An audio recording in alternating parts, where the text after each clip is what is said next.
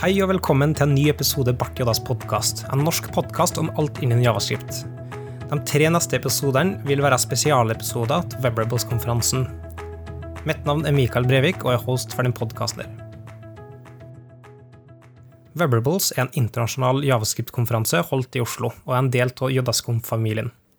I år er det femte året på rad at konferansen arrangeres, og for mange har det blitt en årlig tradisjon. Bart Jodas podkast var til stede og tok en prat med flere av deltakerne om deres opplevelse av innholdet. Denne episoden her tar seg av den første dagen av de to.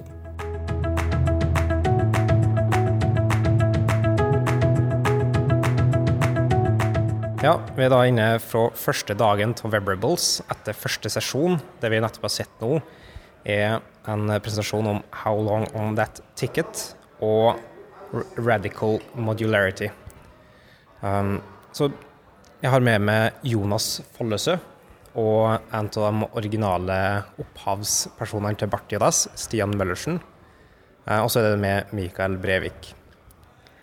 Uh, har vi noe inntrykk av? Kan vi ta den første først, da? Så det var liksom en presentasjon som gikk ut på å sammenligne egentlig um, hvordan kokkebransjen er med software development. Hvordan syns du det funka? Det første foredraget handla jo om eh, to tidligere kokker som nå jobber som utviklere i en startup i New York. Eh, og det inntrykket jeg satt igjen med, var jo at eh, de prøvde å trekke en del paralleller for måten de hadde jobba på et kjøkken, over til software. Første inntrykket var jo egentlig at eh, kjøkkenanalogien fungerer bedre enn en del andre analogier jeg har sett brukt innenfor eh, software. Men ofte så funker sjelden analogier kjempebra. For så vidt bedre enn sånn, en sånn uh, konstruksjons- og byggeplassanalogi ja. som ofte blir brukt. Tidligere så har det vært veldig mye sånn ingeniørkunstanalogi prøvd brukt på software, men sånn her med liksom team som jobber veldig tett. Man har team som må jobbe sammen for å løse en oppgave, skippe hyppig forandrende ønsker hele tida. var analogier som funka ganske bra. Det jeg satt igjen med av læring, er jo at i software-team som andre team, så er kommunikasjon essensielt. Eh, de hadde eksempler hvordan de hadde brukt erfaring fra kjøkkenet til å kommunisere i sitt team.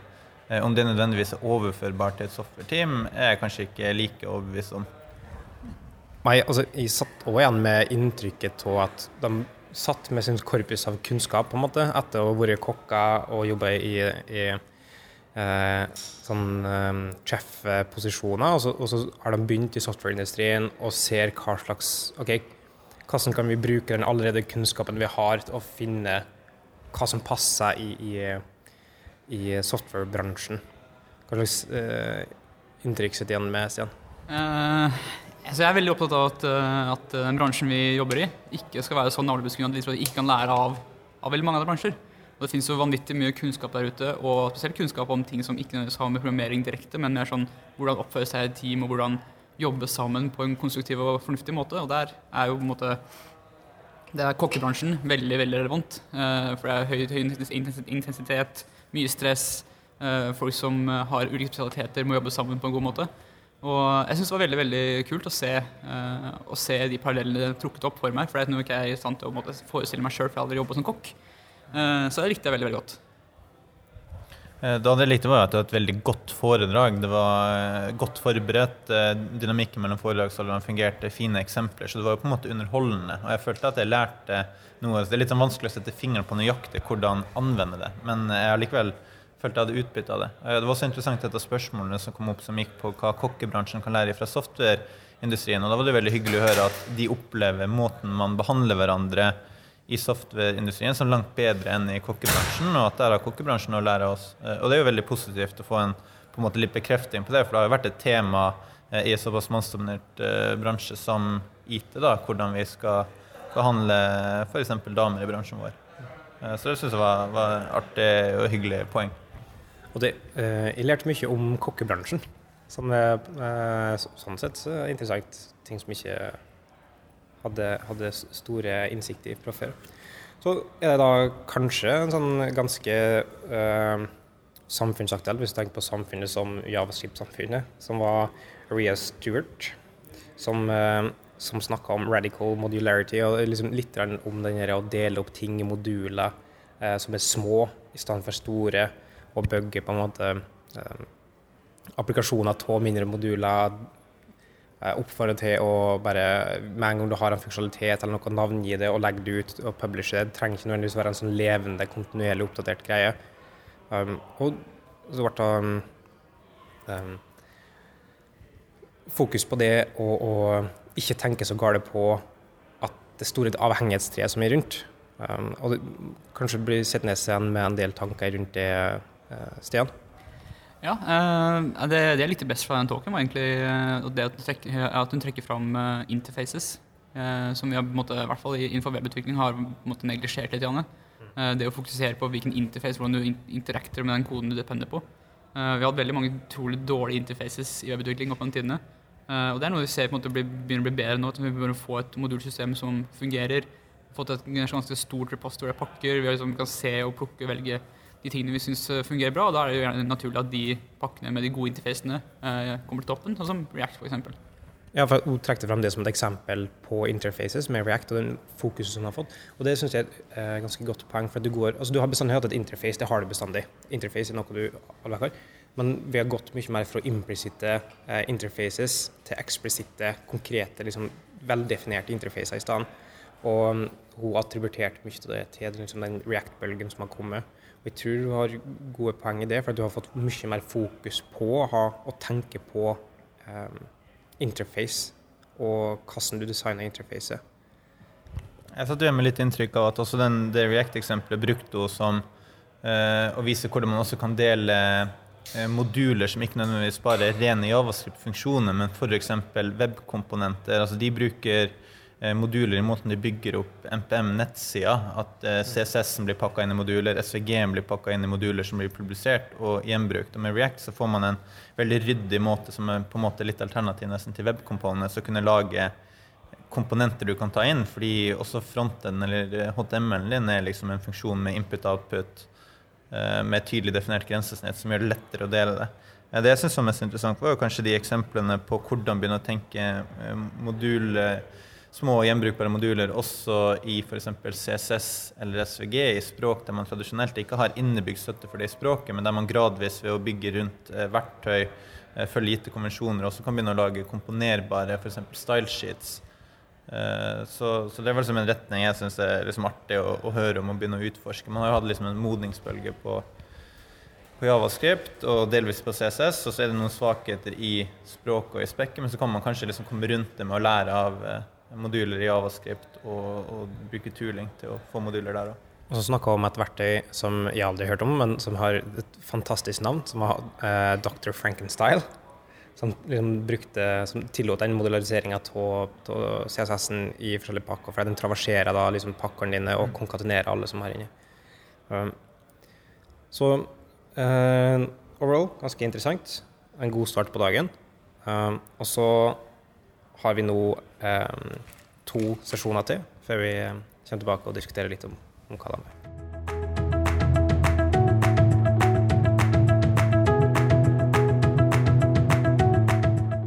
Da er vi tilbake etter sesjon to, og vi har med to nye gjester.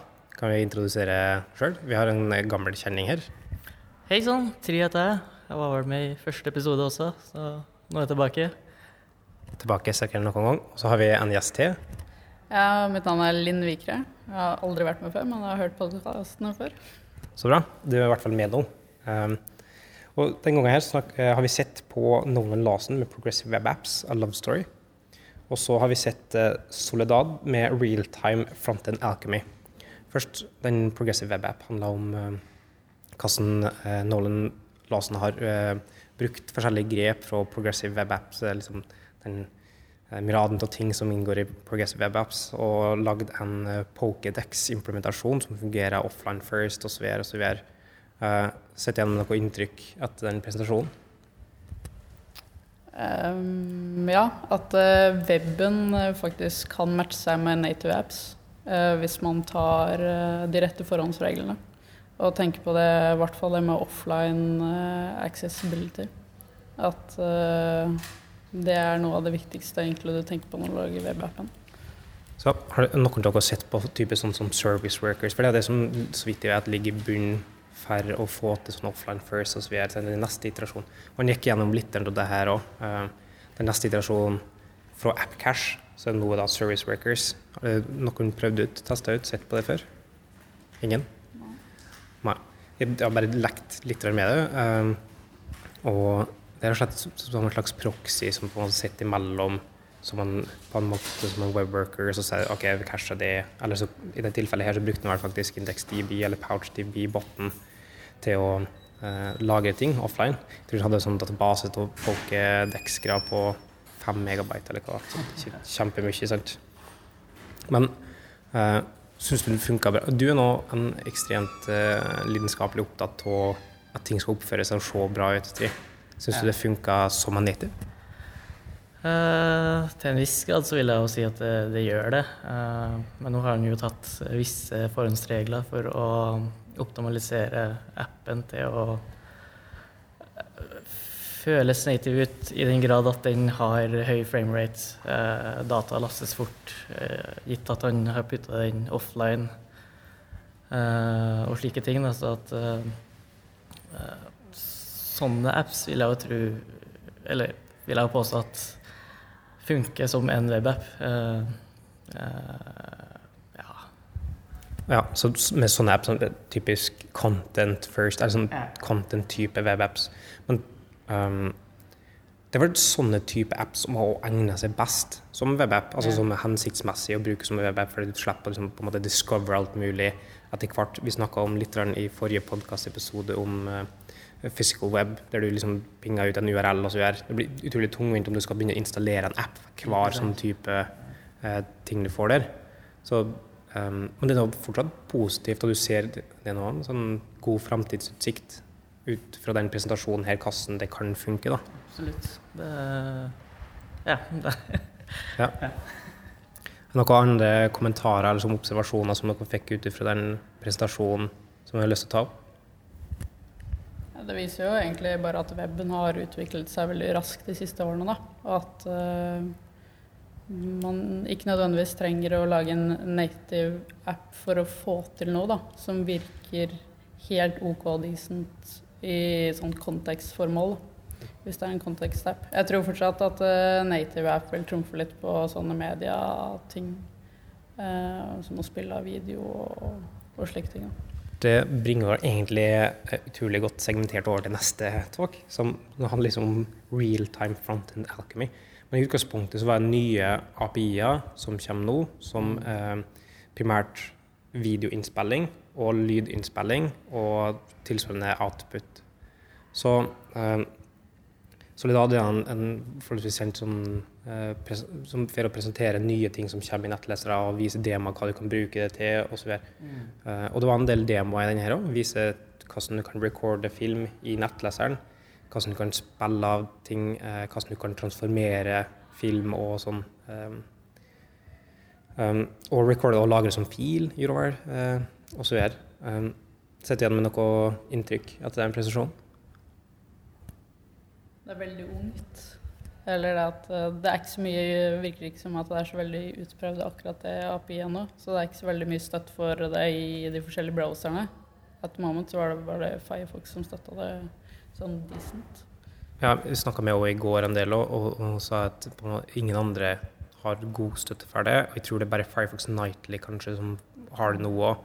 Og det var en del bugs som møtte på. og, og liksom forklarte litt at det var en del av jobben hans da, å sitte og prøve ut og komme med uh, file bug reports. Liksom, mye av det hun gjorde, for at ting funka ikke, osv. osv.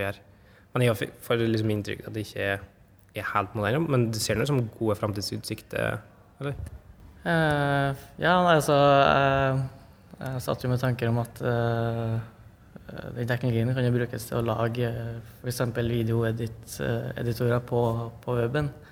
Altså iMovie.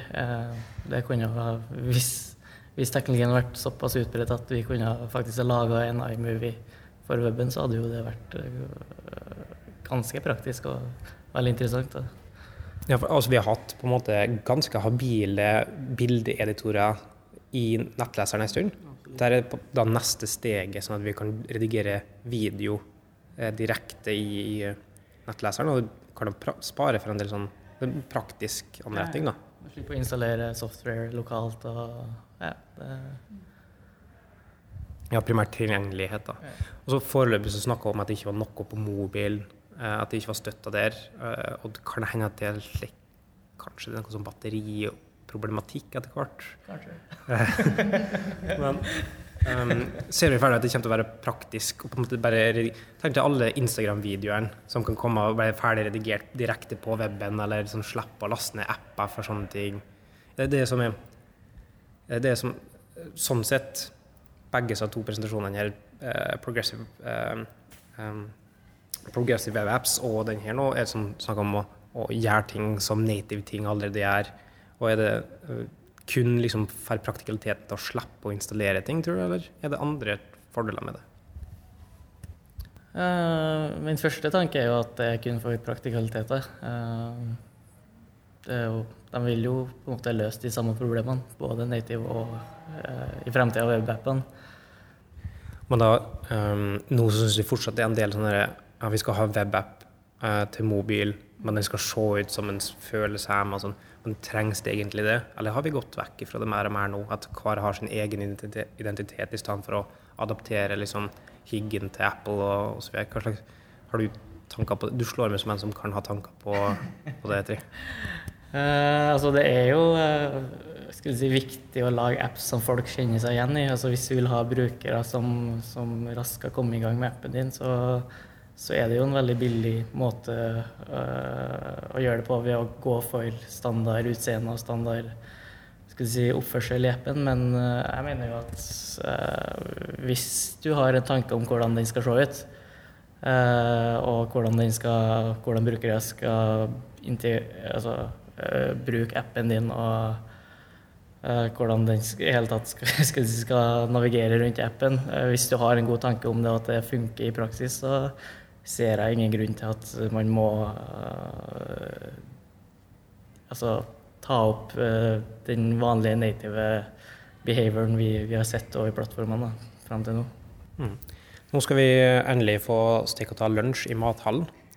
Og så kommer vi tilbake etter, med nye folk etter, i neste pause. Så jeg takker for at dere stilte opp.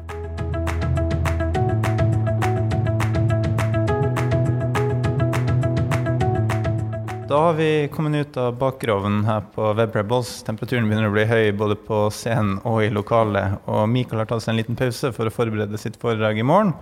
Så nå sitter jeg her sammen med Eh, Kim Jør, som jobber i Elastic. Og Katinka som jobber i Beck. Eh, Nå har vi akkurat vært inne og hørt eh, Justin Sears eh, snakke som et maskingevær om eh, testing. Eh, hva var ditt inntrykk av eh, det foredraget, Kim? Eh, Jeg syns det var veldig interessant måte, eh, å merke at han er en person som har enormt masse erfaring med testing. Og at tingen er å dra med seg måte, all denne type erfaring og prøve å sette det sammen til hva, hva er det du bør tenke på når du jobber med tester. Hva er en bra test, hva er en dårlig test, hva er måte, hvordan jobber du med tester over tid. Eh, Så jeg syns det var en strålende sak selv om det gikk litt for fort til tider. Ja, det var utrolig mange momenter han skulle innom. Eh, eh, I Elastic eh, jobber dere aktivt med testing der og i Javascript? Det gjør vi. Eh, jeg tror ikke, kanskje ikke på samme type seriøsitetsnivå som Justin gjør det. Men ja, det er absolutt en ting vi fokuserer på. Og spesielt fokuserer på, hvor masse testing er rett type testing, og hva, hva føles bra, og spesielt sånn, når føler vi problemer med ting, og hvordan gjør vi det bedre.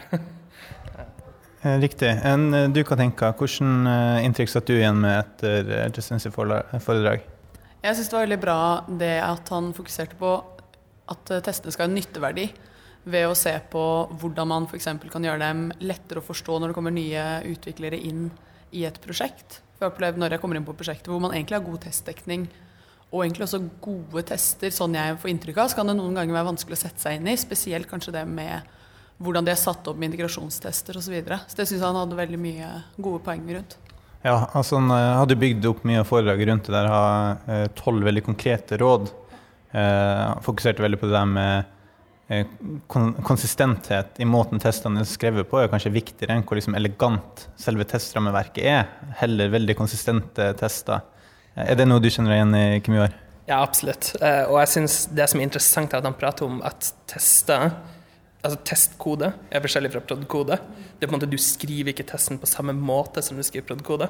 Så tenk på en litt annerledes måte. Det er så viktig at testen er forståelig. Og det er på en måte et spesielt feilmelding at når en test feiler, så ønsker du å forstå veldig fort hvorfor feiler den. Og da er ikke nødvendigvis den på en måte drye fokuset vi har på kode til vanlig, den rette måten å fokusere på. Eh, Hva du tenker om, eh, om det, Katinka? Jeg tenker at det er veldig viktig ehm, Det er mye bedre å da nesten ikke ha tester enn å ha feilende tester, f.eks. Mm. Som man ikke klarer å forstå noe av. Eh, og det syns jeg han klarte å komme, eller få frem på en veldig god måte. Ja, Det var i hvert fall veldig mye innhold på kort tid, så det er nesten et sånt foredrag jeg tror eh, i hvert fall for egen del at jeg kommer til å gå tilbake og se igjen, rett og slett, for å fordøye litt eh, de tipsene. Så det er jo et, et hot tips.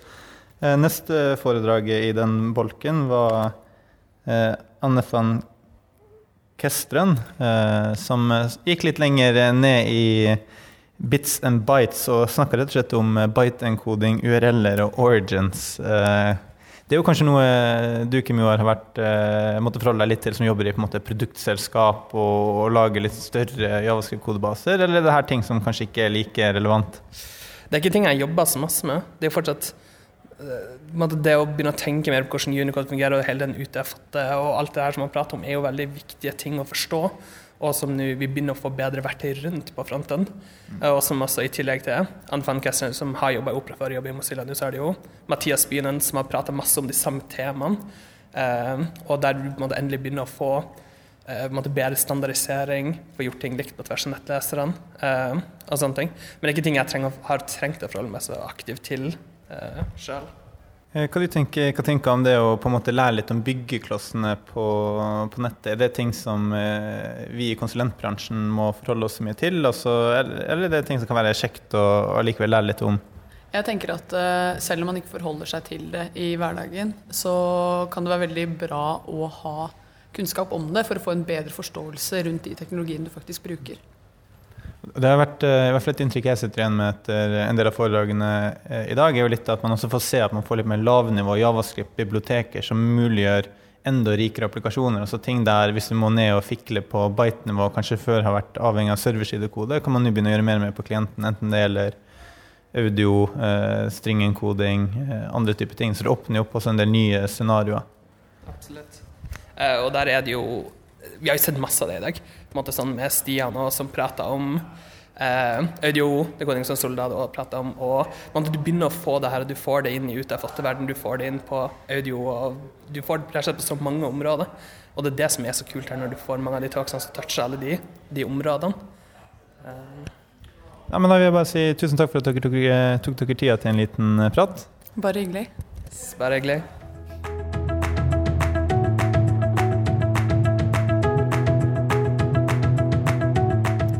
Da er vi ferdig med siste sesjon for dagen, eh, og jeg har fått med to nye gjester.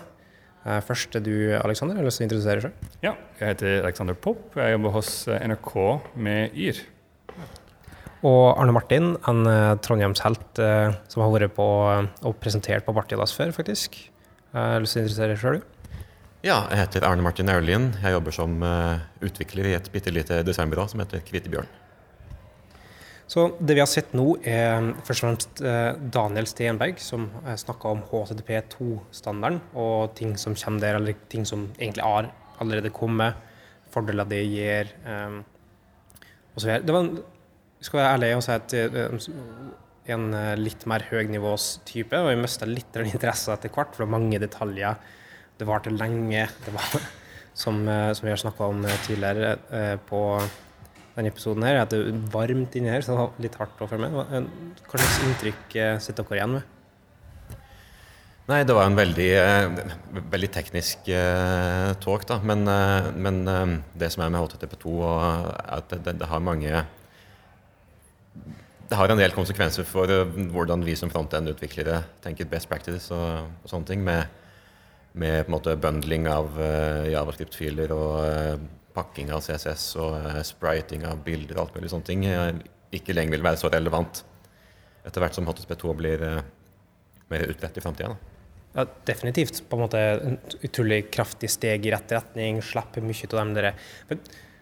Um, konkatenering, spriting etc. er noen hacks for å få til noe som vi egentlig altså, weben ikke har støtta. Um, men sånn, statistikken som jeg vist nå, var 20-60% raskere sider ut av boksen.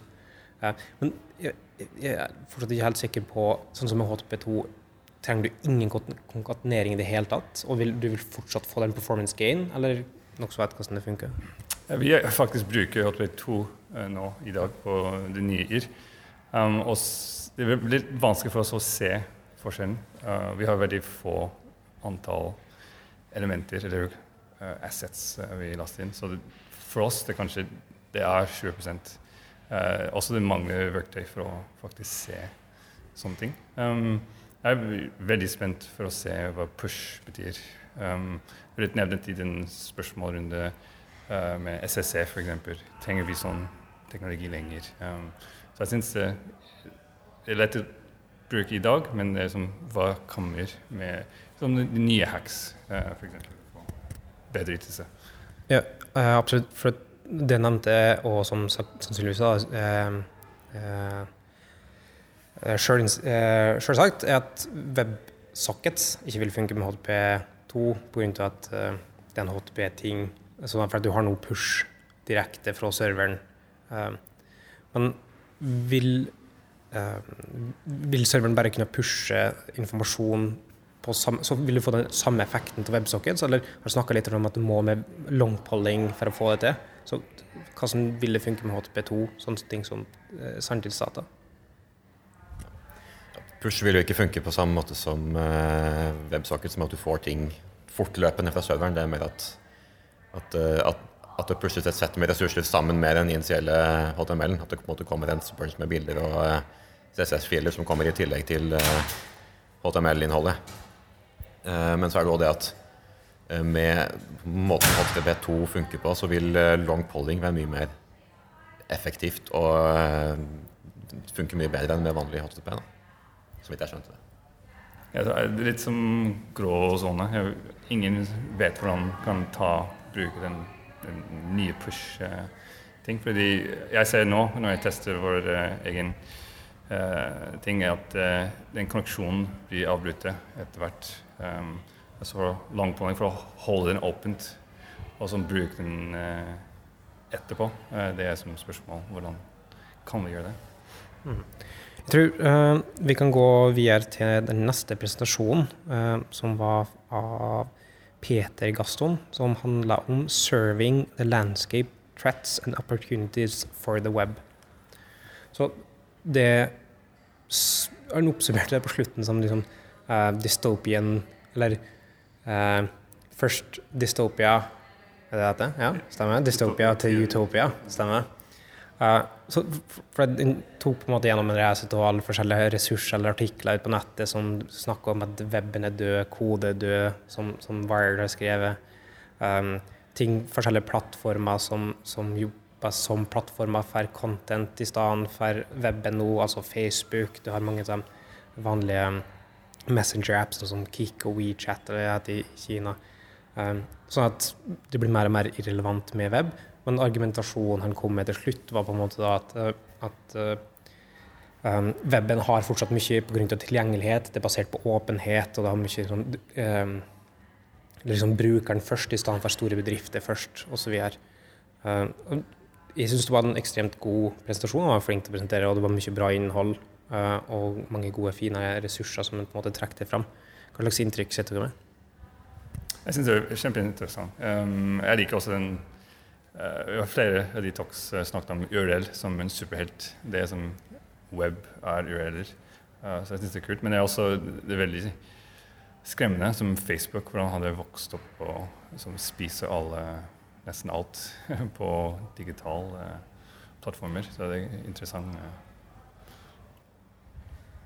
Ja, det er, det er, sånne ting som Facebook Instant Articles og alle den, all den der typen nye innholdsplattformer da, som uh, har dukka opp.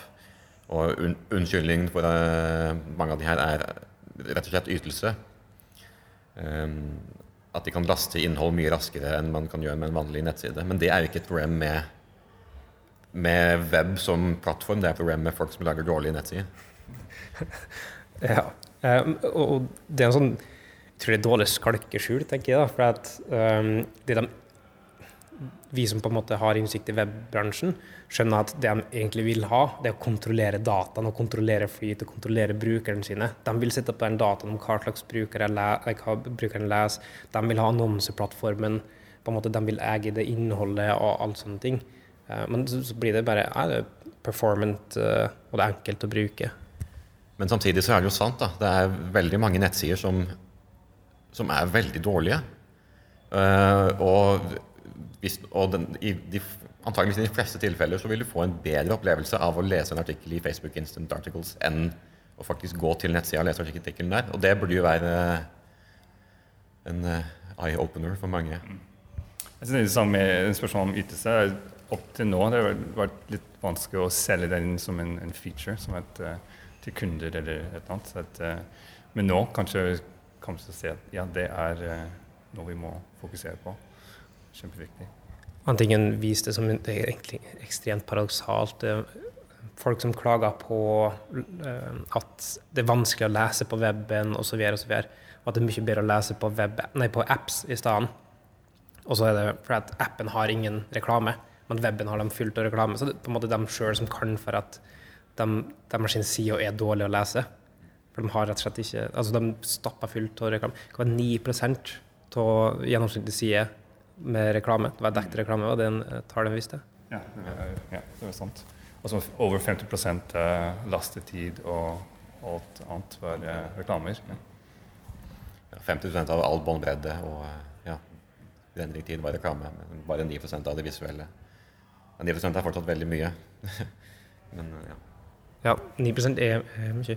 Og jeg tror eh, det var mye statistikk, mye survey. altså Det lå litt i tittelen, men det var mange forskjellige tall på bruk og mange gode ressurser som, som uh, ble vist. Så jeg tror det er en sak som er kanskje verdt å se og lese noen av de artiklene som en refererte. Altså å vise den til andre som er ikke som tekniker, kanskje? Det er som, ja ledelse og sånn på jobb. Eh, ja, mange kan eh, ja, lurte å se på mm. den takken.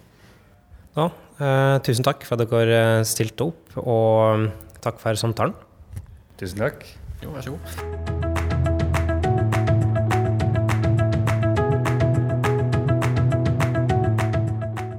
Det var alt vi hadde for dagen. Om noen av presentasjonene høres interessante ut, så legger vi ut en lenke til opptaket av livestreamen i beskrivelsen til episoden. Neste episode er en eksklusiv episode med hovedarrangør av Webrables, Trygve Lie, og den kommer alt om få dager. Som alltid, om det er noen kommentarer eller spørsmål til denne podkasten, så kan du tweete direkte til at underscore bartjodas, eller til meg personlig på at Mikael Brevik.